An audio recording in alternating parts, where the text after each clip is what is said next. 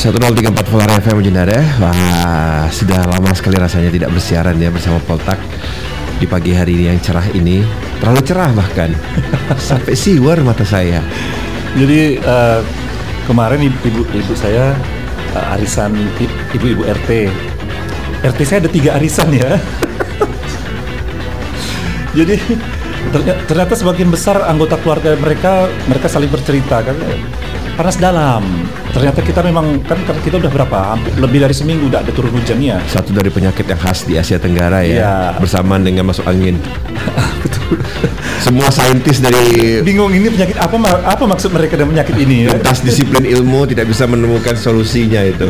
Dan ini dan Akong dari teman saya selalu bilang, ingat wah masuk apa uh, panas dalam itu pintu untuk semua penyakit ya. awal dari semua penyakit jadi jangan sampai panas dalam apakah selama dua hari tidak bersiaran ada ya. ampas-ampas dan hal yang mengganggu. Iya, ya ampas-ampas kehidupan manusia ya yang bikin saya selalu mengganggu pemikiran saya dan mungkin juga Anda. ya ini apa? Uh, I have a long, very long uh, Easter weekend ya, oh. uh, di mana saya trying to be invisible dan ternyata jadi pusat perhatian ya. salah salah teknik gitu. Oke, jadi ada hal yang baru di di apa Twitter kita? Tidak, saya bed rest dua hari ini. Sakit. Mm -mm. Wow. Semoga cepat sembuh ya. Iya. Hmm, semoga cepat sehat. Uh, jadi minggu Jadi memang kalau misalkan sedang beristirahat hujan dara, terkoneksi ke media sosial bukanlah cara yang tepat untuk kembali betul, sehat ya. Betul. Ya kalau bisa mau buka mending buka YouTube lihat video kucing atau video anjing boleh tapi kalau sampai buka Instagram buka Twitter apalagi Facebook ya. jangan saya ingat nasihat teman saya eh, teman kita ya Feby ya uh. dia bilang kan ya, Instagram tuh cari waktu kalau bukanya karena uh. apa tidak bisa sebentar katanya nah, jadi dia. memang kalau misalnya Bujendara sedang recovery atau sedang menyepi atau sedang berkontemplasi hmm. membuka medsos itu sangat yeah. counterproduktif ya Nah, untungnya saya gini, saya kalau orang lagi sakit, tipe saya itu tipe ini ya uh, beruang hibernasi ya. Hmm. Saya menjadi agak agak garang, agak galak dan uh, saya masuk ke kamar dan prinsip saya leave me alone gitu ya kalau lagi sakit itu. Jadi habis itu untungnya jadi istirahat kan, jadi tidak terlalu banyak beraktivitas. Oke, minggu ini juga banyak yang kejadian nih secara nasional, skala nasional, misalnya tentang surat. Uh, oh, tentang surat telegram dari Kapolri kita itu? Ah, itu sih kayak remaja labil ya.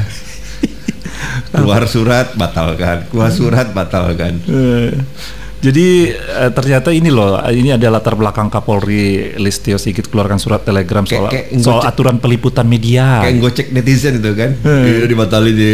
Iya.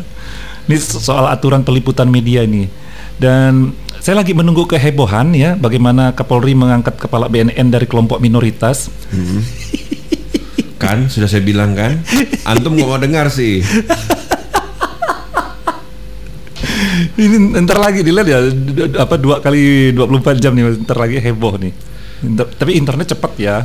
Nah, tapi kalau karena kita orang media, saya ingin melihat ini loh, ini loh latar belakang Kapolri uh, keluarkan surat telegram soal aturan peliputan media itu loh. Bukannya ya. itu maksudnya ke internal? Ah ya nggak tahu makanya lihat dulu latar belakangnya apa. Kalau Jakasnya menangkapnya itu adalah surat yang ditujukan untuk internal, hmm. untuk internal mereka. Jadi yeah. kalau misalkan mereka mencoba mengeluarkan sebuah surat yang ditujukan kepada pemret, kepada hmm. media massa, itu kan seperti apa ya? Cari apa bukan bukan cari masalah sih dalam dalam situasi seperti sekarang ini juga tidak mungkin lah. Iya.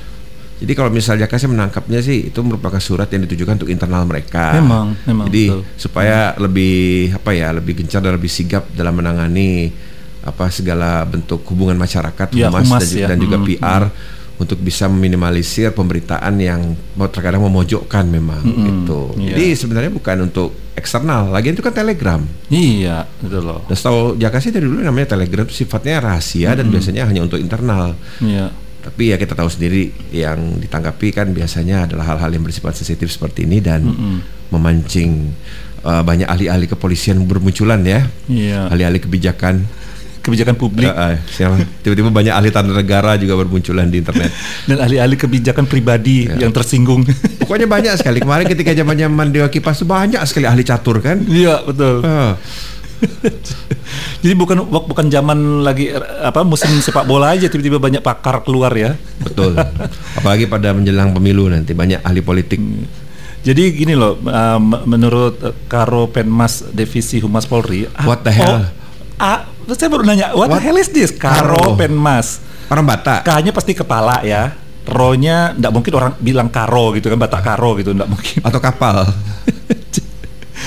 Eh, Penmas, eh, masnya pasti masyarakat. Pen itu penerangan masyarakat. Ya, Divisi Humas Polri, Brigjen Polisi Rusdi Hartono uh, sudah sudah menjelaskan ya. Kepala Biro. Oh, astaga. Kepala Biro. Kayaknya ronya itu yang tadi, ah, tadi kita Kepala cari, Biro kan? Penerangan Masyarakat. Penerangan Masyarakat. Is. Bukan TNI Polri udah bikin singkatan memang ya. Ini bukan bukan singkatan apa namanya? Akronim. Akronim. Ya, sorry, ya. akronim. Memang paling nyes. Jadi uh, dalam proses penyusunan draft aturan surat telegram tersebut tentunya melewati kajian akademis kata beliau ya dan keinginan Polri untuk memberikan informasi yang lebih baik kepada masyarakat. Jadi menurut Pak Rusdi uh, sejatinya prinsip aturan peliputan media massa di lingkungan Polri agar pelaksanaan fungsi humas di seluruh wilayah itu lebih profesional dan humanis. Hmm. Nah, jadi apa uh, jadi kita orang media pun bisa mendapat berita dengan jelas, dengan dengan cepat dan juga apa lebih apa lebih profesional ya, lebih hmm. profesional dan lebih humanis gitu loh. Jadi ini memang kayaknya istilahnya pembenah, pembenahan ke dalam soal humas ini iya, kan. Jadi benar bukan berarti ditujukan bahwa heh, tidak boleh lagi ya memperlihatkan kekerasan-kekerasan. Mm -mm. Kayaknya sekarang justru yang lebih patut disorot itu polisi main HP itu loh. Kalau bisa di simpangan tuh pengen saya rudu kadang tuh. Papa jangan lupa ya beli lauk anak-anak kalau pulang gitu kan. Oh, iya ma gitu ya kan di tengah jalan kesian, hmm. panas-panas gitu kan. Jadi menurut Pak Rusdi aturan tersebut bukan bermaksud membatasi tugas jurnalis dalam memberi informasi. Dan tidak bisa juga dibatasi. Iyalah. Tidak kan bisa zaman sekarang. Kita ini kan masih paranoid. Zaman-zaman ting orde baru. Satu-satunya nah, cara gitu. untuk bisa melakukan sebuah tindakan represif dalam hal ini mengontrol media itu hmm. adalah dengan melakukan sekat kontrol dalam bentuk sensor. Ya. Dan itu tidak akan berhasil tidak sekarang bisa. di Indonesia. Apalagi tidak zaman sosial berhasil. media sekarang ini ya. Tidak akan berhasil. Hmm. Kecuali Anda mau benar-benar terjun Bebas. menjadi uh, bangsa otoriter ya pemerintahan otoriter seperti hmm. di Cina ya yang hmm. sampai yang namanya atau Uzbekistan apa? Uzbekistan apa itu? Tahu. yang ada di diktak diktatornya ya, itu. Istilahnya kan itu sesuatu tidak mungkin. Jadi hmm. ya ya itulah. Ya karena gini loh kan ada multi tafsir maka Kapolri memutuskan untuk mencabut uh, kembali aturan tersebut agar tidak menimbulkan perbedaan pandangan. Termasuk kritik mengenai aturan dalam surat telegram tersebut Nah, Pak Rusdi sendiri menyatakan Polri dapat memahami berbagai kritik yang datang dari masyarakat gitu loh. Tapi sekali lagi sebenarnya ini pembenahan ke dalam soal bagaimana apa uh, PR dan humasnya ini gitu loh, ya. Tapi sebenarnya sih kalau kita dari orang media malah menguntungkan ya, jadi nggak nggak ribet kan. Mungkin kita bisa saranin lah buat uh, Karo Penmas itu bikin grup hmm. WhatsApp aja lah. Hah? Beda bocor keluar. bikin WhatsApp. Grup WhatsApp ya sama divisi humas di bawahnya tuh. Uh. terus pakai Telegram. Bocor terus. Telegram apa Telegram itu? Ah, bocor terus kan? Artinya udah orang dalam lah itu. Iya makanya Masa bikin grup aneh. WhatsApp ya lah kan ketahuan hmm. jadinya. Mungkin terlalu banyak yang ini sih. Nah, gunanya apa mereka bocor-bocor orang? Gini loh, bukan cuma di kepolisian, di beberapa uh, uh, beberapa apa istilahnya uh, uh, kantor atau apa istilahnya gitu ya uh, lembaga gitu ya. Kalau orang kok kayaknya suka sekali membocorkan sesuatu yang sebenarnya untuk internal gitu loh. Pansos. Apa tuh pansos? Panjat sosial. Panjat sosial. Ah itulah. Jadi ketika menyebarkan sesuatu yang sifatnya rahasia mereka merasa penting di iya, sosial media pansos. gitu loh. sesederhana itu Poltak nggak kadang-kadang kok mereka nggak melihat itu loh apa uh, resiko yang bisa dihadapi gitu loh.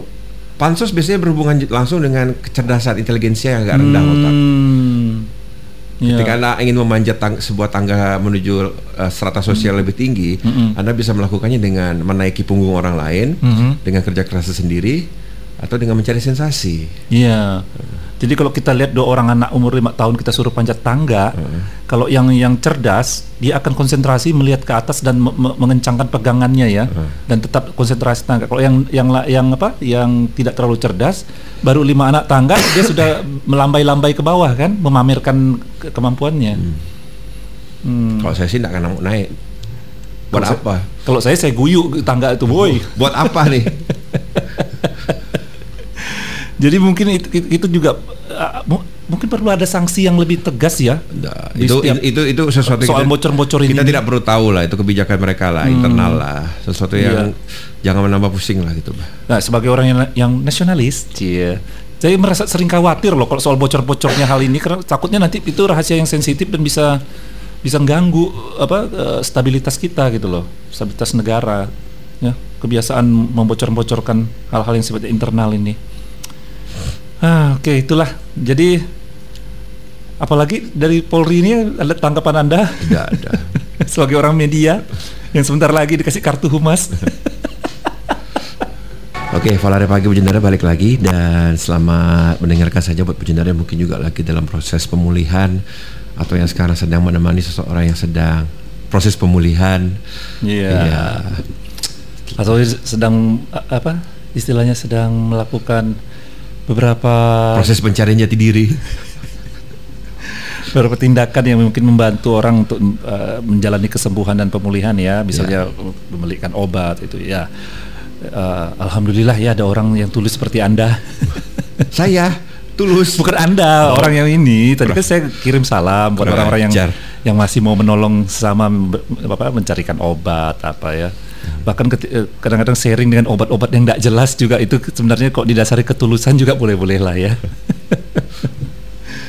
Oke, okay, saya waktu itu ada lihat di koran. Wow, dia ngambil koran hujan darah. Siap-siap. dia biasanya ngomel di sini nih. Jadi uh, masih ada cerita panjang soal ini beberapa uh, te terorisme yang apa ya, bunuh diri itu. Teror raging nama teror raging. Te kok teror, teror raging? Teroris? Oh jangan deh. Goncang, lagu itu teror raging nggak kirain teroris goncang ganjing gitu loh Kenapa lebih keren gitu. Kepanjangan apa? Jadi uh, ternyata ya ada seorang uh, mantan narapidana terorisme ya yang waktu itu sempat uh, diwawancara beberapa media yaitu Haris Amir Falah. Dia mengungkapkan uh, ada uh, perubahan tren pengantin bom, bom bunuh diri atau pelaku aksi teror katanya. Jadi uh, kalau dahulu pelaku terorisme tidak melibatkan anak-anak dan istri saat beraksi, sekarang katanya uh, tiga aksi terorisme yang terjadi uh, apa di di kota Surabaya ini ya, Makassar dan juga Mabes Polri itu menunjukkan adanya adanya perubahan tren ya.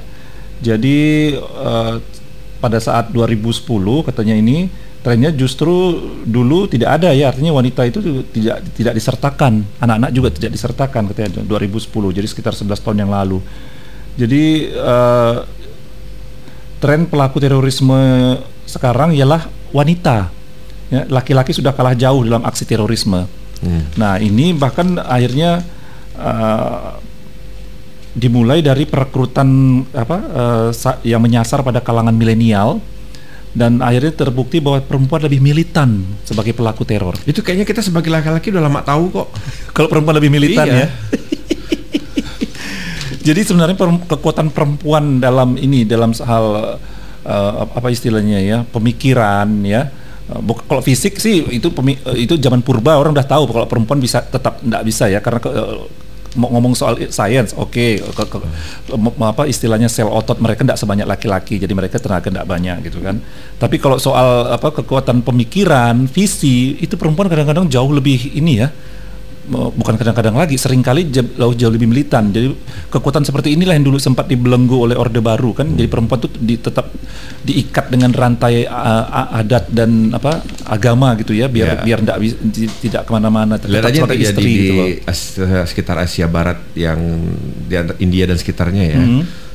wanita wanita yang kuat akhirnya kan dibelenggu oleh kekuasaan kan mm -hmm. betul betul kalau misalnya tidak bisa disingkirkan jadi ya bunuh akhirnya iya Jadi dari temuan di lapangan justru wanita tuh lebih militan daripada laki-laki ya. Banyak yang suaminya ikut katanya ya, uh, ikut ikut apa? Ikut kayak kelompok-kelompok perekrutan gitu. Uh, uh, bukan karena suaminya yang ngajak istrinya, tapi justru istri yang ngajak suami. Jadi Jaka ada pernah baca artikel yang ketika, ketika baru saja muncul kejadian uh, yang perempuan uh, mati itu. Hmm. Jadi menyimpulkan secara sederhana bahwa ketika seorang pria kepala keluarga istilahnya ingin berjuang di jalur yang dia sangat yakini itu hmm. akan menjadi sebuah pertimbangan dan membuat dia sedikit ragu apabila dia masih mempertimbangkan anak dan istri. Hmm. Nah, tapi semua itu akan menjadi hal yang tidak lagi menghambat dia ketika istri sudah memberikan restu. Hmm. Nah, itulah yang akhirnya bisa melihat kita bisa melihat terjadinya eskalasi kekerasan ya, hmm. karena sudah ada istilahnya keterlibatan langsung indoktrinasi kepada pihak perempuan sehingga dalam hal ini dalam sebuah unit keluarga ketika sang ibu sudah memberikan restu pada sang suami atau anak anak ya hmm. udah bablas kan sudah hmm. tidak ada reserve lagi tidak ada keraguan lagi ya, ya kita hmm. masih sering melihat ketika seseorang ingin melakukan tindakan teror mereka masih mempertimbangkan mempertimbangkan ibunya hmm. mempertimbangkan istrinya mempertimbangkan anaknya tapi ketika semua unit keluarga itu sudah diindoktrinasi ya akhirnya tidak ada, hmm. tidak ada lagi bantalan yang bisa meresap segala bentuk uh, indoktrinasi itu itu sendiri gitu loh dan yeah. itu merupakan sesuatu yang sebenarnya sudah terjadi semenjak pertengahan 2000-an ya kalau misalnya yeah. kita lihat perperangan di Timur Tengah di Irak di Syria apa segala macam kita sering sih melihat kan anak-anak yang bawa mortar anak-anak mm -hmm. menjadi pengobom bunuh diri apa segala macam dan itu sudah ditranslate ke sini gitu mm -hmm. dan memang itu sebenarnya hanya masalah waktu aja sih Hmm. Dan kalau misalnya Bu Jendari ingin mendapat pencerahan bagaimana ISIS ini melakukan uh, segala macam indoktrinasi ajaran mereka, banyak kok video-video di YouTube yang memperlihatkan bagaimana tercuci otak mereka itu ya di yeah. camp, di camp-camp yeah. uh, uh, penampungan. Ya uh. itu kan isinya kan orang-orang itu semua. Mm -hmm. Orang mau bantu aja dilempar, yeah. dikatain kafir. Kar uh, karena bukan macam. dari kaum mereka nah, gitu ya. Gitu loh. Jadi ya. itu anak-anak loh pada nah, anak dan, dan, ya. wanita. Dan anak-anak itu pun bercita-cita memenggal orang yang datang bawa bantuan itu iya, ya. Jadi itu merupakan itu sudah dianggap sebagai lost cause itu. Makanya langkah pemerintah untuk tidak menerima, tidak memulangkan ya, ya itu, itu, itu tepat ya. Tepat karena memang udah lost cause itu. Sebenarnya yang dulu-dulu juga udah yang sempat pulang itu juga seharusnya di, di apa ya, istilahnya. Memang, sudah sudah better late than never sih. Mm -hmm. Tapi kalau misalnya Bu Jendara masih masih ada orang yang menganggap bahwa itu suatu tindakan yang tidak manusiawi apa segala macam, kita nggak perlu lihat secara apa-apa, di lihat sendirilah seperti hmm. apa mereka. Iya iya. Ada jadi, yang mau gitu.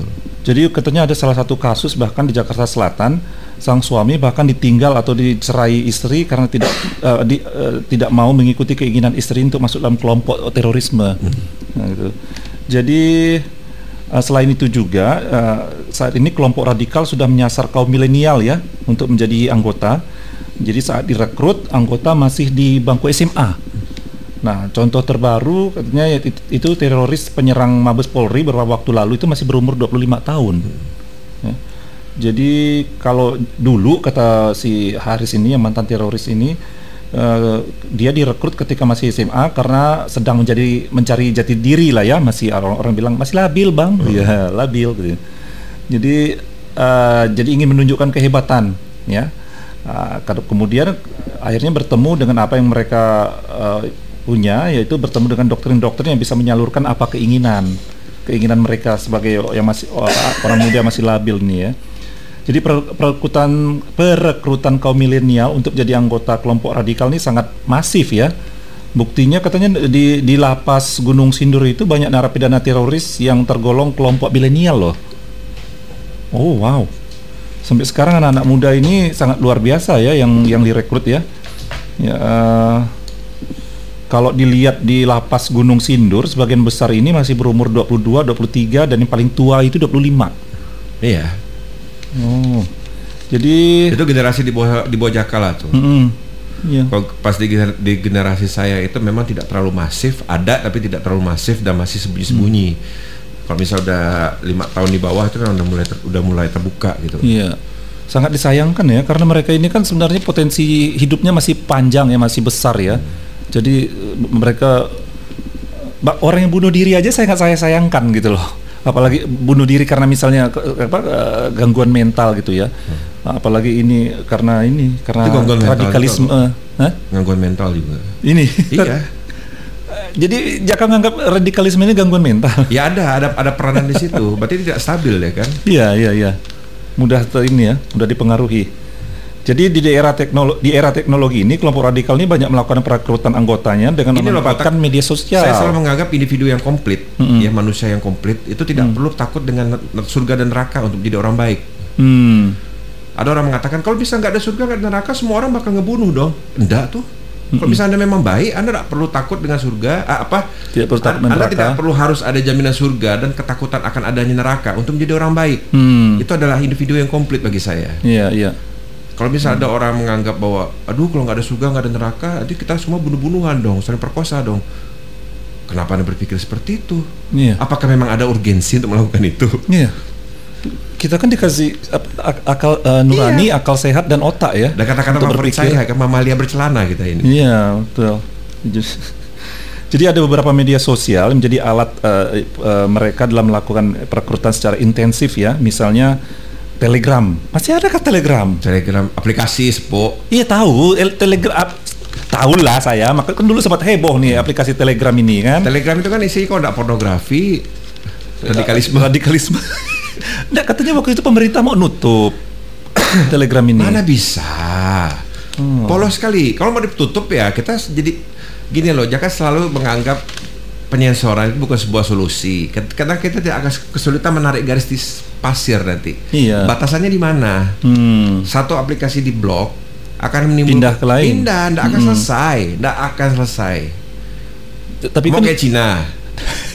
Tapi kan lebih baik melaku, eh, apa istilahnya melakukan tindakan kecil daripada tidak melakukan tindakan sama sekali kan. Kalau Jaka sih menganggap lebih baik ular-ular itu berada di satu gentong daripada gentong yang pecahkan. Oh, Betul betul betul. Ya. Nantinya ke mana-mana ular Eh, itu. ya. Bahar tuh kan gitu. Oh I- oke. Iya kan? Mereka dikumpulkan semua dalam satu. Saya tidak suka orde baru, tapi tiba-tiba otak saya bilang brilian gitu ya. Jadi kalau misalnya kita lihat metode orde baru kan, mereka semua dikumpulkan dalam satu wadah, Hmm, hmm, hmm, hmm. disusupi, Hmm, hmm. diawasi, Ya. dan dimanfaatkan. Bahkan nah, ketika reformasi, wadah itu pecah, Ah, menyebar ke mana-mana. Gitu. Iya kan? Betul betul betul. Ya. Ada alasannya kenapa dulu di zaman Soeharto kita tenang, Hmm. kita tenang tanda kutip lah ya. Iya. Mm-mm. Karena memang semua itu dikontrol, Hmm. Tapi tidak dibasmi. tergantung kebutuhan. Ah, oke. Jadi selain Telegram Nah, ternyata ngomong lagi ah, jemput. Jadi eh, selain eh, selain Telegram, Facebook juga sering digunakan ya oleh untuk perekrutan Semua. Ah, ini loh. Kalau saya sih eh, Facebook akhir-akhir ini saya tidak punya eh, akun Facebook, tapi Facebook akhir-akhir ini mengganggu saya karena banyak warga-warga senior kita yang seharusnya divaksin jadi mundur teratur gara-gara ketakutan lihat berita-berita bodoh yang ada di apa di Facebook gitu ya. Lalu penting sekali kita eh, memberi vaksinasi untuk warga-warga senior eh, di- di negara kita ini. Jadi perekrutan lewat media sosial itu jauh lebih mudah sebenarnya kan. Ya. Nah, itu karena dalam menyebarkan paham-paham radikal dan melakukan bayat. Betul cara membacanya ya? Bayat yang mereka lakukan itu sangat mudah karena tanpa harus melakukan pertemuan. Bahkan sekarang ini karena teknologi sudah canggih, orang bisa direkrut tanpa bertemu muka, mereka bisa aktif tanpa berdialog dan mereka bisa dibi- dibina lewat media sosial. Jadi eh, dan sekarang juga, nah ini yang bikin saya sempat eh, sempat ketawa tapi ke hat- eh, ketawa yang gimana ya ketawa pahit gitu loh karena ini bagian bagian eh, bagian dari budaya kita gitu loh jadi eh, cara bayat dengan menggunakan media sosial juga ada loh. Jadi disebut bayat gaib. Kita mau komentar ah. saya ketawa tapi kita tidak boleh meremehkan gitu loh ya. Sesuatu yang sudah menjadi bagian dari budaya dan keyakinan itu biarpun kesannya bagi kita yang ini ya kita yang di luar ini ke- kelihatannya kok lucu dan konyol tapi sebenarnya ini bisa jadi serius gitu ya Eh, nan- nanti eh, katanya nanti ini calon peng- pengebom ini yang sering disebut pengantin ini akan terus menerus didoktrin oleh pemimpin dengan dengan eh, soal radikalisme lewat sosial media kemudian eh, tidak perlu bertemu dan bisa melakukan eh, bayat gaib oke ini eh, satu lagi kerjaan ini ya aparat negara kita nih Bisa bayangkan gini bisa. Doraemon radikal ya. Apa yang dikeluarkannya dari kantongnya itu ya. Monitor bayat. Jadi uh, yang di yang pengebom Mabes Polri barusan ini yang 25 tahun itu yang masih muda itu. Pengebom. Eh, apa? Dia mau bikin SIM. Tapi disuruh nembak. Penyerang lah gitulah ya. Nah, dia ini eh, dibayar secara gaib ya lewat sosial media. Jadi uh, yang menodongkan senjata api katanya akhirnya ditembak mati ini semua ya. Oh, dia tidak ngebom ya, sorry. Uh, jadi dan ini ini hasil dari bayat gaib itu lewat sosial media. Oke, satu lagi hal yang mungkin uh, perlu kita waspadai ya di sosial hmm. media ini.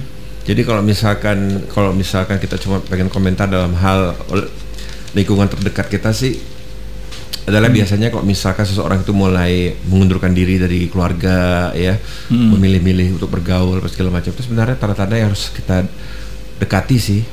Iya, iya.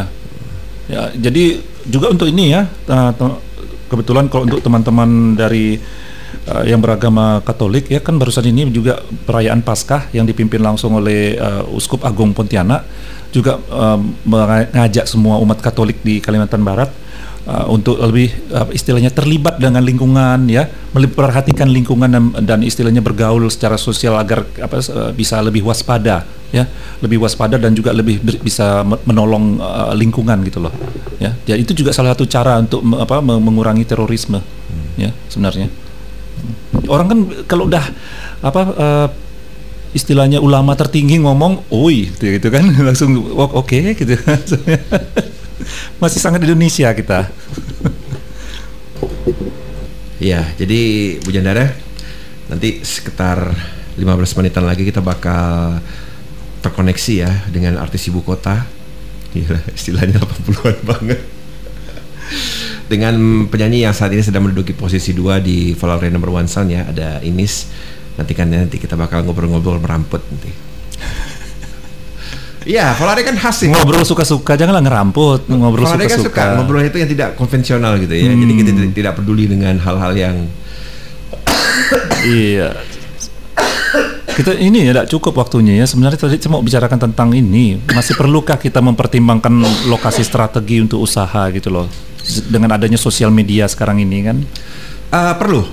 Sangat perlu. Ya. Karena saya lihat gini loh, ada beberapa usaha Tergantung jenis usahanya juga sih. Ah, iya juga sih. Karena misalkan kita lihat bagaimana dan kita terkadang sebagai pebisnis memang harus memiliki uh, ke, apa ya uh, jeli melihat peluang dan juga kita harus tawakal pada Tuhan karena karena kebijakan pemerintah itu membuat apa yang sudah kita rencanakan buyar. Iya, seringnya gitu ya. Tiba-tiba jalan dibalikkan jadi forbidden, tiba-tiba putaran ditutup. Ya. Akhirnya apa lokasi bisnis yang dulunya apa menjadi incaran tiba-tiba nggak laku hmm, lagi gitu betul, kan. Betul. Karena untuk mencapainya harus berputar gitu. Iya, betul. Tapi beberapa kasus kayak di Jogja karena memang uh, uh, dari sosial media dan juga memang rasanya unik orang sampai melewati sawah pun orang mau itu gitu kuliner. loh. Ya kuliner betul. Jadi kuliner kan memang salah satu usaha apa yang yang paling di di apa di data datangi apa digemari ya. Kalau jangan sih menganggap kuliner itu memang tidak terlalu penting lokasi. Mm -hmm. Yang penting bersih mm -hmm. dan juga uh, bisa dijangkau lah. Tapi kalau misalnya kulin, kulin, uh, perpaduan antara kuliner dengan jasa, misalnya kafe gitu kan, itu kan antara Betul. jasa dengan dengan dengan apa kuliner itu kan. Nah, dan di setiap kota uh, itu beda-beda loh. Karena Orang Pontianak suka dilihat, ingat. Suka dilihat. Ya. Hmm. Sedangkan ada kota-kota tertentu yang orang tidak mau dilihat. Makanya tertutup. makanya orang orang Pontianak tidak terlalu suka kafe yang ada ber, berpintu tertutup iya. gitu ya. Kok bisa di, di tengah jalan? Ya, di pinggir jalan nah, itu. Jadi mereka suka dilihat. Uh, itu okay. juga dari hasil obrolannya kan dengan beberapa orang yang berada, berasal dari Jakarta gitu ya, yang melakukan survei di sini, mereka juga menjadikan itu sebuah poin gitu loh. Orang hmm. di sini suka dilihat ya, oh iya, mm -mm. kok bisa, kok perlu pinggir pinggir jalan sekalian, debu nak masalah. Sedangkan kalau bisa kita lihat di kota-kota besar itu mereka malah menjadi sebuah preferensi tersendiri kalau misalkan tempatnya tertutup, mm -mm. lebih iya. private yeah. gitu. Yeah, betul. Orang kita tidak suka. Iya. Makanya beberapa ka kafe yang dulu saya lihat ber berpintu ujungnya pintunya dibukanya gitu iya, ya. Karena memang oh. ya style beda-beda. Hmm, gitu. Jadi iya. itu memang kearifan lokal harus diperhatikan itu. Oh, itu bagian dari kearifan lokal ya. Ikan itu yang orang kopi yang ter, yang salah satu yang terbesar di Jalan Podomoro itu kan terbuka kan? Iya. Nah. Oh gitu. Kalau misalkan itu dia kan dari bangunan lama dirombak, Hmm. saya yakin kalau misalnya itu memang dia bangun dari awal pasti dekat dengan jalan itu. Itu kan dari bangunan lama jadi kayaknya Iya. ya, Tapi akhirnya nanti mengabaikan di tempat mengabaikan tempat parkir jadi jadi di belakang kan. Hmm. Parkir oh iya, parkir belakangnya. belakang. Iya, gitu Pak. Tan. Iya iya iya iya iya. Pokoknya nempel di pinggir jalan.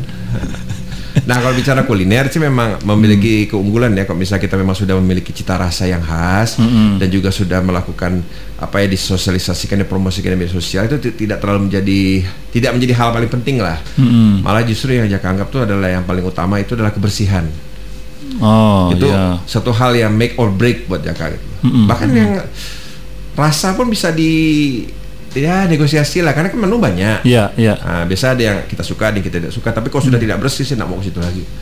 Hmm. Dan apa kriteria bersih, tidak bersih? Nggak nggak masuk. Uh, kriteria bersih dengan tidak bersih itu adalah tempat cuci tangan Hmm. harus ada, Wastafel ya. wastafel, Ya ya ya. harus ada harus ada sabunnya, Mm. harus ada tisu. Hmm.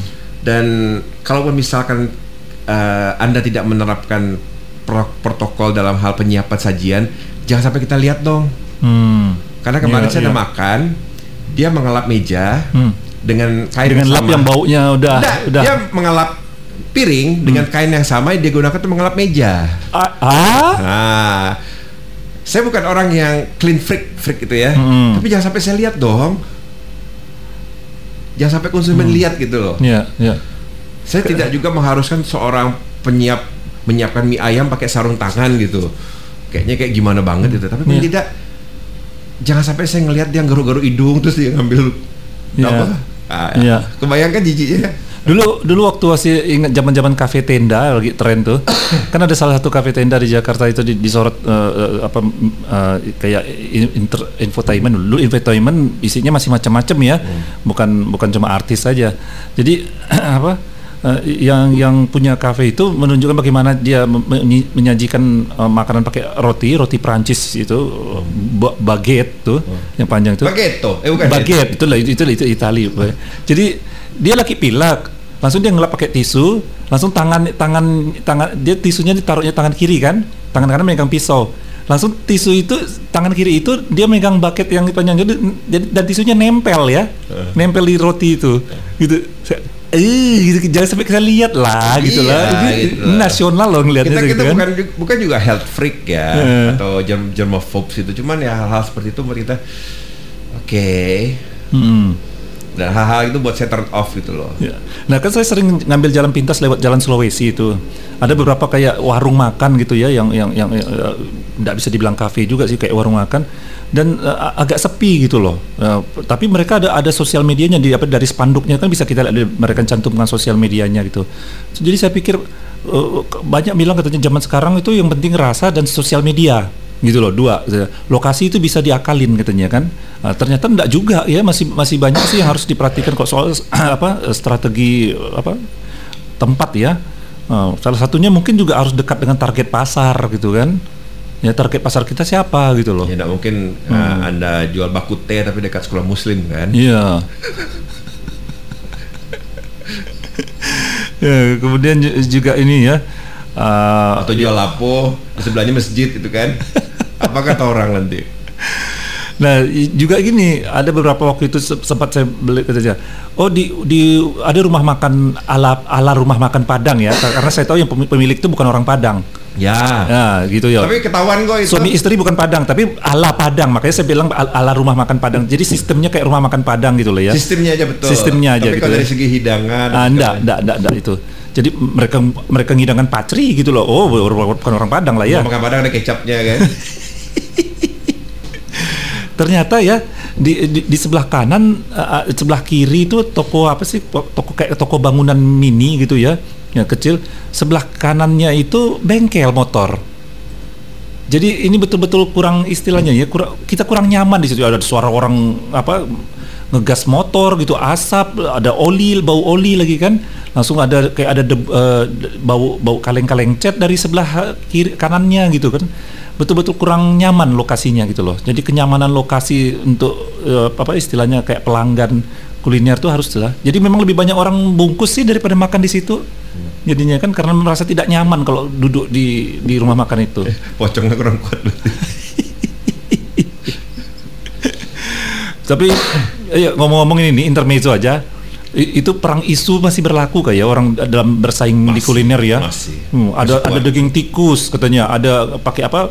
Pocong. Ada pocong, ada hantu kakek-kakek celupkan kaki sebelahnya ke apa ke ke, ke dandangnya gitu macam-macam lah itu. Saya saya suka ngajarin ke anak saya tuh enak kan komboan kaki nenek-nenek kan enak banget aja. Tapi itulah isu, isu persaingan itu ya ngeri ya kurang sehat juga sih sebenarnya. Saya sih sesuai agama saya aja lah. Kalau misalnya hmm. sudah baca Bismillah ya Bismillah aja. Hmm. Dan mereka sudah mengatakan bahwa yang mereka sajikan itu halal ya kita Bismillah aja. Kan? Hmm. Tak perlu terlalu bikin apa ngawang-ngawang lah. Hmm. Dan ingat kita kita bicara priok rezeki orang loh. Iya. Itu dosa loh. Iya betul. Kalau sampai sampai kita memfitnah priok iya. rezeki orang gitu ya. Hmm. Eh, tapi itulah. kakak kakak tau kak di belakang tuh kak ada nenek nenek kak dia ngaduk makanan pakai kakinya kak eh iya kebah enak ya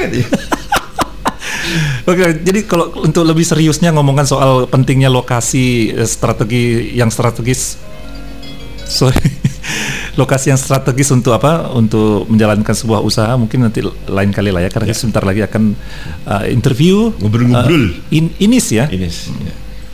Kok ketok-ketok sih? Hah? Nggak, ini kalau berubah sedikit kan takutnya mati. Baiklah. Oh, kita sudah tersambung pemirsa. Halo. Halo. Halo, Ya. Selamat pagi. Iya. Pagi, Kak. Gimana sudah sehat, Kak?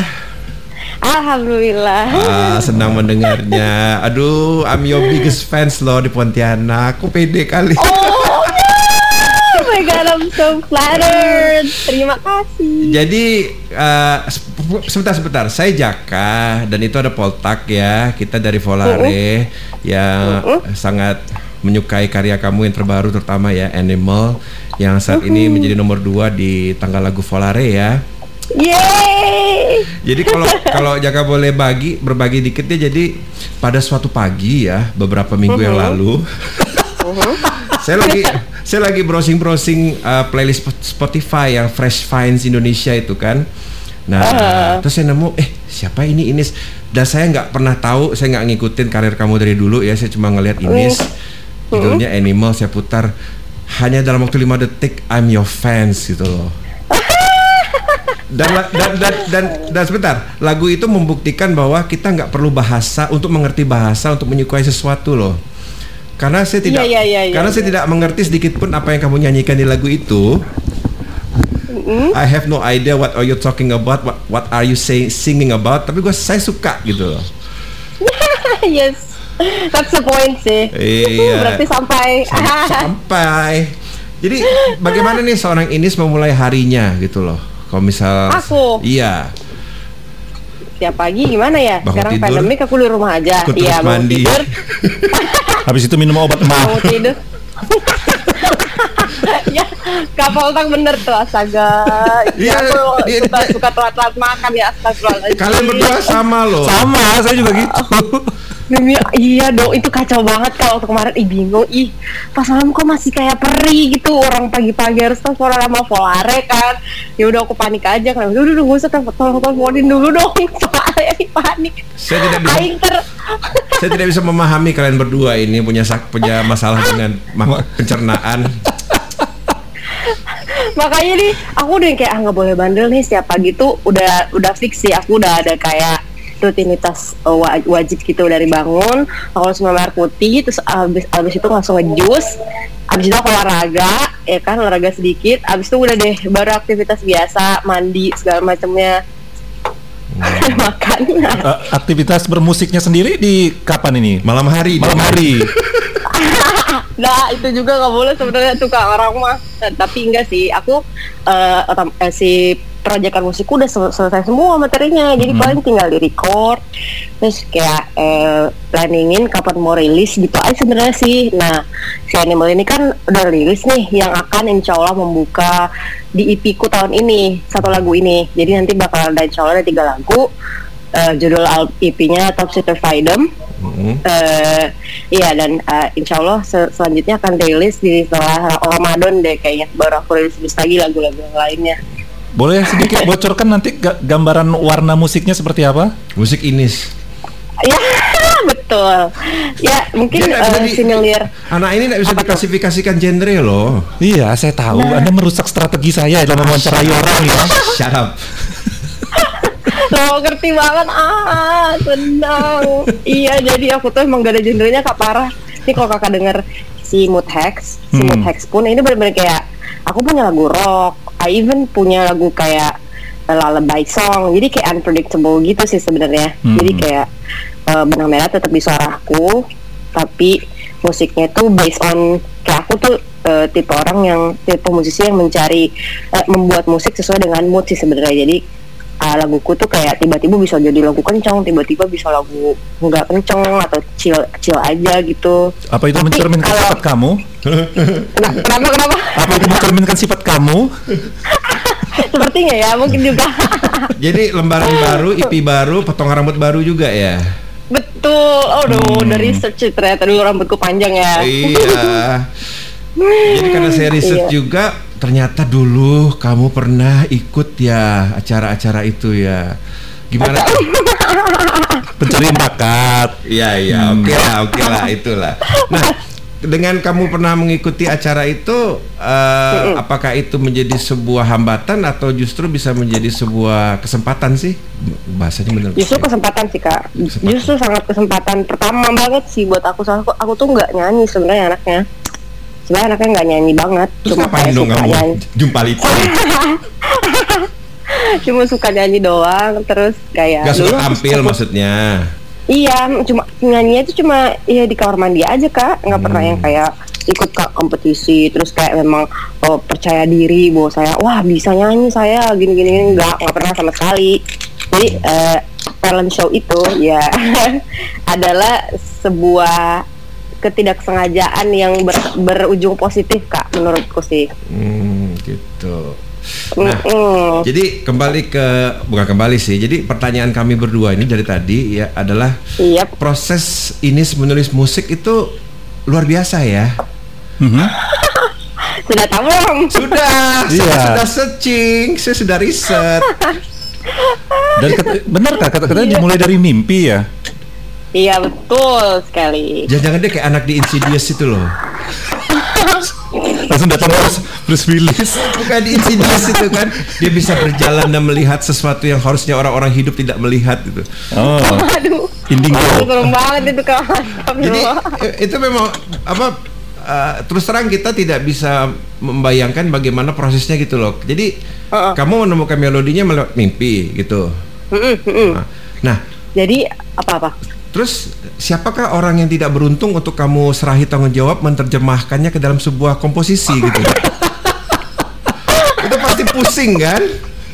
Nah iya iya, bener banget kak Astaga, Aduh kak ngerti banget ya isi hatiku Aku tuh Saya kasihan loh sama orangnya pasti. Iya Bener-bener Aku tuh sebenarnya ya Seorang musisi yang cukup bingung gitu kak Karena Karena aku menciptakan lagu dengan begitu anehnya jadi aku tuh bingung kalau misalnya mau bilang ke arrangerku tuh kayak gimana soalnya nih kayak misalnya contoh aku bikin Mermaid Song itu kan awal-awal aku bikin pertama banget pertama kali banget aku bikin lagu kan Mermaid Song tuh aku dapat nada yang kayak eh na na na na Nah, na betul kan? na, na. Bersenandung kan Eh, dari melodinya kan. Iya, jadi kayak tak dem dem Dan kamu nggak bisa main alat musik kan? dem dem. Iya, jadi kayak selain itu Miss, itu bunyian apa anjir? Itu bunyian apa? Eh, pokoknya bunyinya kayak gitu, Kak. Tak mm, mm, ya, mm, mm. itu bunyi apa? Itu alat musik apa? Pokoknya nadanya kayak gitu. Kasihan Bunyinya kan tuh kayak gini. kan itu kan. Kok jadi kayak ini ya, kayak ini kayak cerita film horor ya. Lagunya. ya, jadi tuh jadi tuh Mermaid dulu sumpah kayak kayak bingung banget nih orang ngapain? Gitu. Lu lu ngapain sih Nis lu itu nada apaan? Punya alat musik apa? Nah akhirnya si rangerku tuh dia ngasih aku ininya kan visinya dia. Jadi kayak jadi nih sini lu cari sound apa yang lu mau abis tuh nanti lu deskripsiin ke gua. Nah akhirnya aku duduk bareng di studio tuh. Jadi aku cari sendiri sound apa yang aku mau. Abis itu aku deskripsinya kayak "Eh, kayak sound ini kak tapi nadanya nanti kayak gini ya. Eh, terus abis itu nanti ada bunyian ini bunyian ini bunyian ini gitu. Jadi aku yang gambarin ke dia terus dia yang merangkai abis itu aku masukin lirik aku record udah gitu caranya Ribet Oh. banget hidup kamu ya. iya Jadi kamu yang ciptakan resepnya gitu ya. Yang ciptakan resepnya kamu, ada orang lain yang Iya. masaknya gitu. Tapi dia nggak bisa pisau, susahnya itu. iya jadi Nyiptakan resep oke, tapi dia nggak dia nggak bisa pakai pisau, dia nggak bisa pakai blender, jadi Mixer nggak Iya. bisa. jadi bisanya bilang doang tapi, Tapi- itu yang susah kak Iya memang sih, tapi ya Iya. jadi wah bingung ya. Hmm. kakak kan masih Karena kali ini loh, nih kita ketemu yang yang proses penciptaan lagunya seperti kamu ini. Dan tidak bisa menarik musik gitu loh. Iya. iya Jadi gimana? Nah, itu jadi dari ketemu satu me- melodi sampai akhirnya jadi sebuah full eh, eh, apa sebuah komposisi lagu yang full komplit itu berapa lama itu Hmm. prosesnya itu?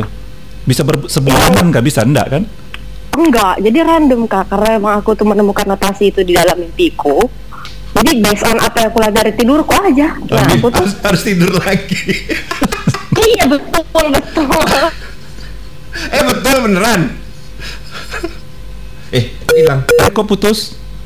Oh, wah itu terputus. Ya sebentar ya. Biasa teknologi itu. Iya. Ya.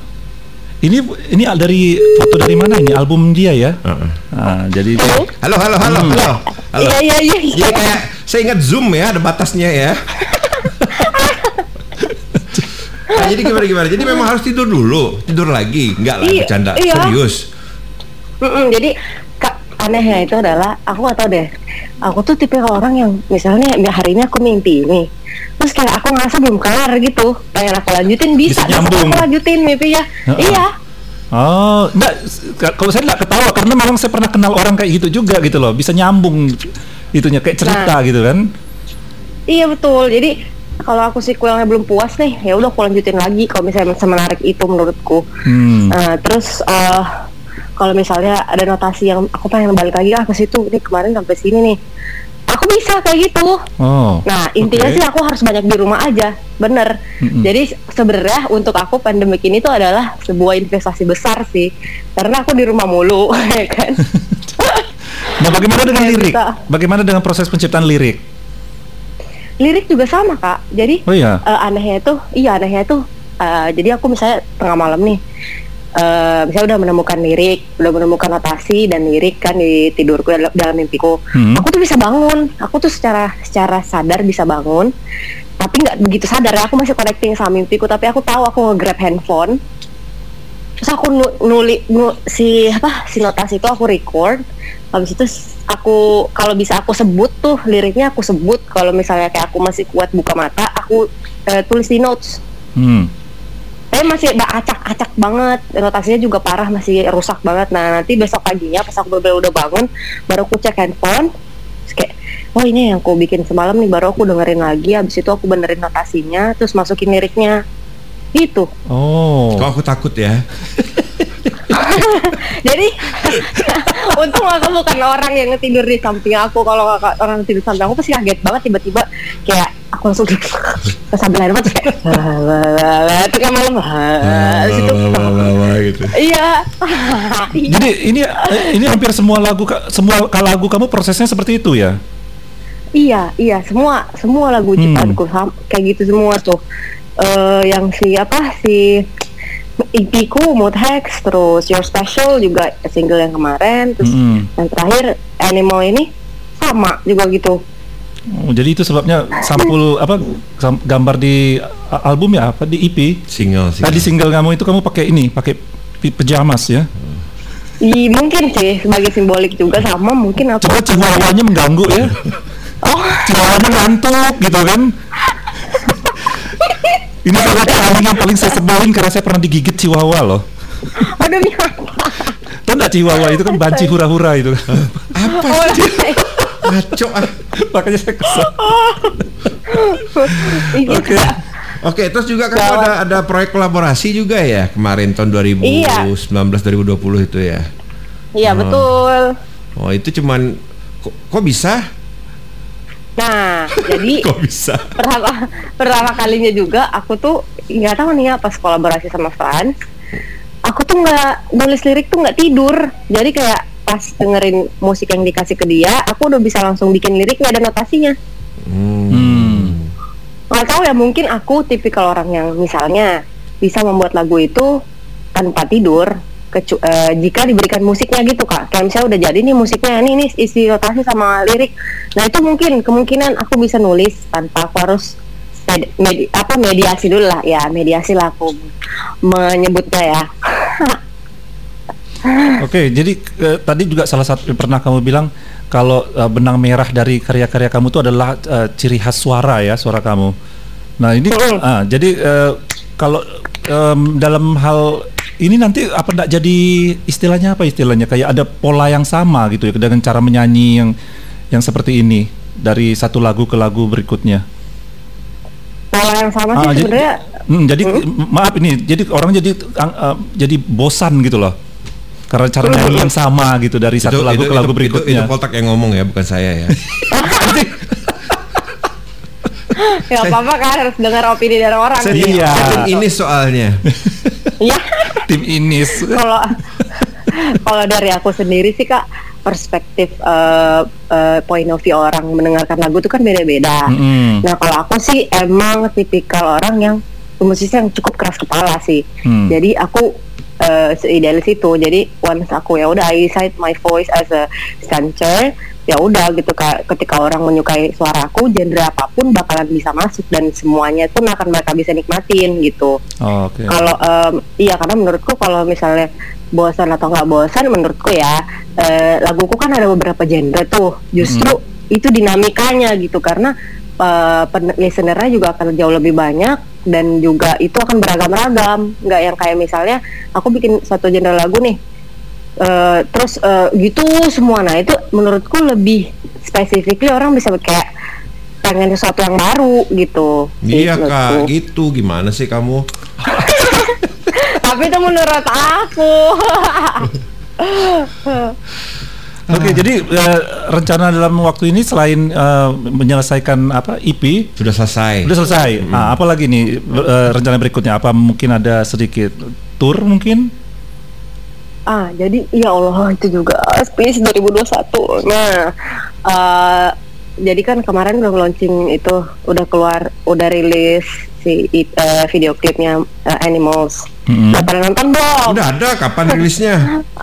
Oh, ada, ada di YouTube udah aku rilis di eh, via ini doh. Baru- di- baru? Via, iya, via eh, Instagram. Tapi aku belum memang belum ada timku belum lagi ngirim press release sih ke mana-mana. Nah Nggak, itu yang terakhir saya lihat di YouTube itu yang kamu ngebahas mood hacks itu aja sih. Ada lagi yang baru ya? Ada ada ada ada itu animal yang video klip animal. Oh. Terus nanti eh, bocorannya, Mhm. Insya Allah ke depannya eh, akan ada kolaborasi aku sama temenku yang musisi Jepang juga. Hmm. Nah itu lagi kita garap sih. Sekarang lagi diusahain biar cepat kelar. Habis itu baru lanjut eh, Top Secret Freedom si lagu-lagunya. Gitu sih kak paling. Kalau- itu, Hah? Kolom komennya dibuka dong. Ayo Dia minta komen tapi kolom komennya ditutup. Wih, dasar. Takut dengan kekejaman netizen kali. Ya, ya sekarang gimana? Sudah ngerasa lebih nyaman belum tampil depan kamera? aku Ha-ha. em, sebenarnya sih Enggak ya? kadang iya kadang iya bener. Kadang iya kadang enggak gitu aku tuh orangnya emang gitu sih kan nggak tahu deh kenapa. Ya, kalau kalau misal saya lihat sih kalau misal tampil secara candid gitu ya istilahnya enggak bu- Heeh. bukan untuk dir- memang bukan untuk khusus direkam bisa lepas tuh. Tapi sekalinya Iya, harus du- harus duduk ngomong wah ke mana-mana iya bener ya bener bener aku nggak tahu deh ini istilahnya atau gitu apa ya? Jadi kayak orang yang memang sudah terlalu suka terekspos sih sebenarnya. Aku tuh makanya uh, tuh bisa ada sampai ada muka terus kayak upload tuh harus ada face gitu. Aku itu panjang tuh kak. Panjang banget. Bilang kayak kak nggak mesti. Harusnya ini aja bagus. Enggak nih orang tuh harus tahu elu. Nanti dia nggak tahu elu cuma tahu lagu lu doang tapi aku sampai sampai sampai tertutup itu sampai yang kayak ya, aku tuh jarang banget selfie kak. Jarang banget aku di story juga yang kayak sebuah keajaiban lah ya. Itu pasti Hmm. disuruh timku sih kalau misalnya aku tiba-tiba kayak menampakkan wajah gitu. Kayak aku tuh kurang kayak, kayak ya udah yang penting itu musiknya bukan fisiknya terus kata timku nggak gitu nih you are in Indonesia right now itu semuanya sangat penting orang harus melihat ini tuh siapa nyanyi gitu oh ya udahlah akhirnya manggung kayak sia ikut. aja, manggungnya kayak sia aja. Pakai Iya bener gede gitu. sih. Unggungin, Munggungin. munggungin. Sia kan mang gitu manggungin. Kalau di Indonesia munggungin dilempar kaleng, Pak. Iya sih. Iya Sama yang baju konsep baju tidur, konsep baju tidur itu juga gitu sih. Karena mereka pikir kan lu nulis lagu pada saat lo tidur nih udah Hmm. mendingan kalau setiap manggung itu pakai baju tidur aja. Dan I, I- dan aku benar-benar kayak setuju banget karena aku sangat-sangat nyaman dengan baju itu. Aku kayak ketika aku pakai baju piyama tuh kayak nothing tulus gitu daripada aku harus yang wah gimana? gitu kan. Kalau misalnya ada orang yang manggung gitu kayak sewow itu harus yang seniat itu gitu kalau aku sih ya senyaman mungkin aku akan menggunakan pakaian yang senyaman mungkin Oh, jadi kamu anti eh, di apa diva-diva glamor itu ya? Konsep kayak gitu.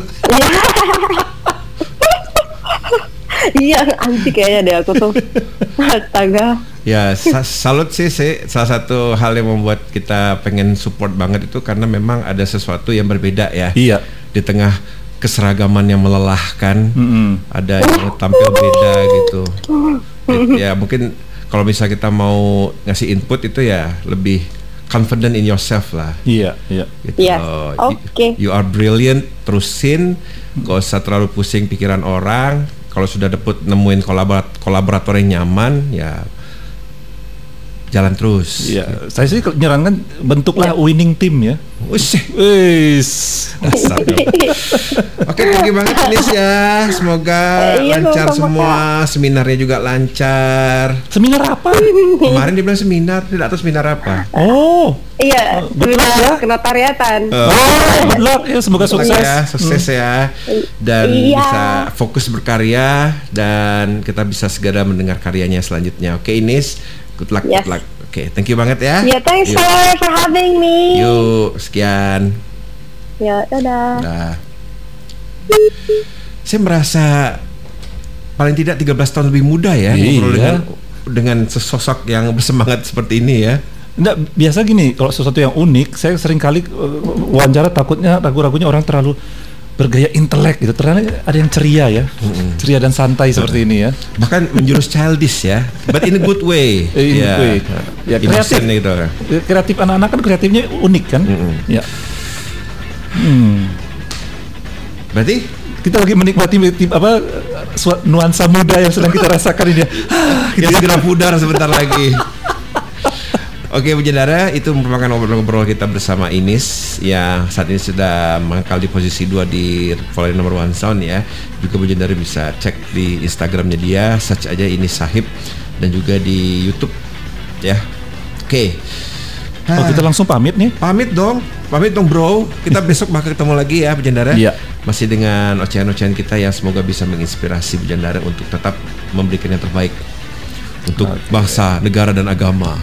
Apaan sih? Orde baru banget. Habis ini mukul gong. Oke, sampai ketemu besok Bu Jandara. Saya yang bertugas ada Jaka. Saya Potak, jangan lupa tetap jalankan protokol kesehatan dan dorong eh, warga senior kita untuk divaksinasi ya. Ya, oke. Sekian dan wassalamualaikum. Ship your taste.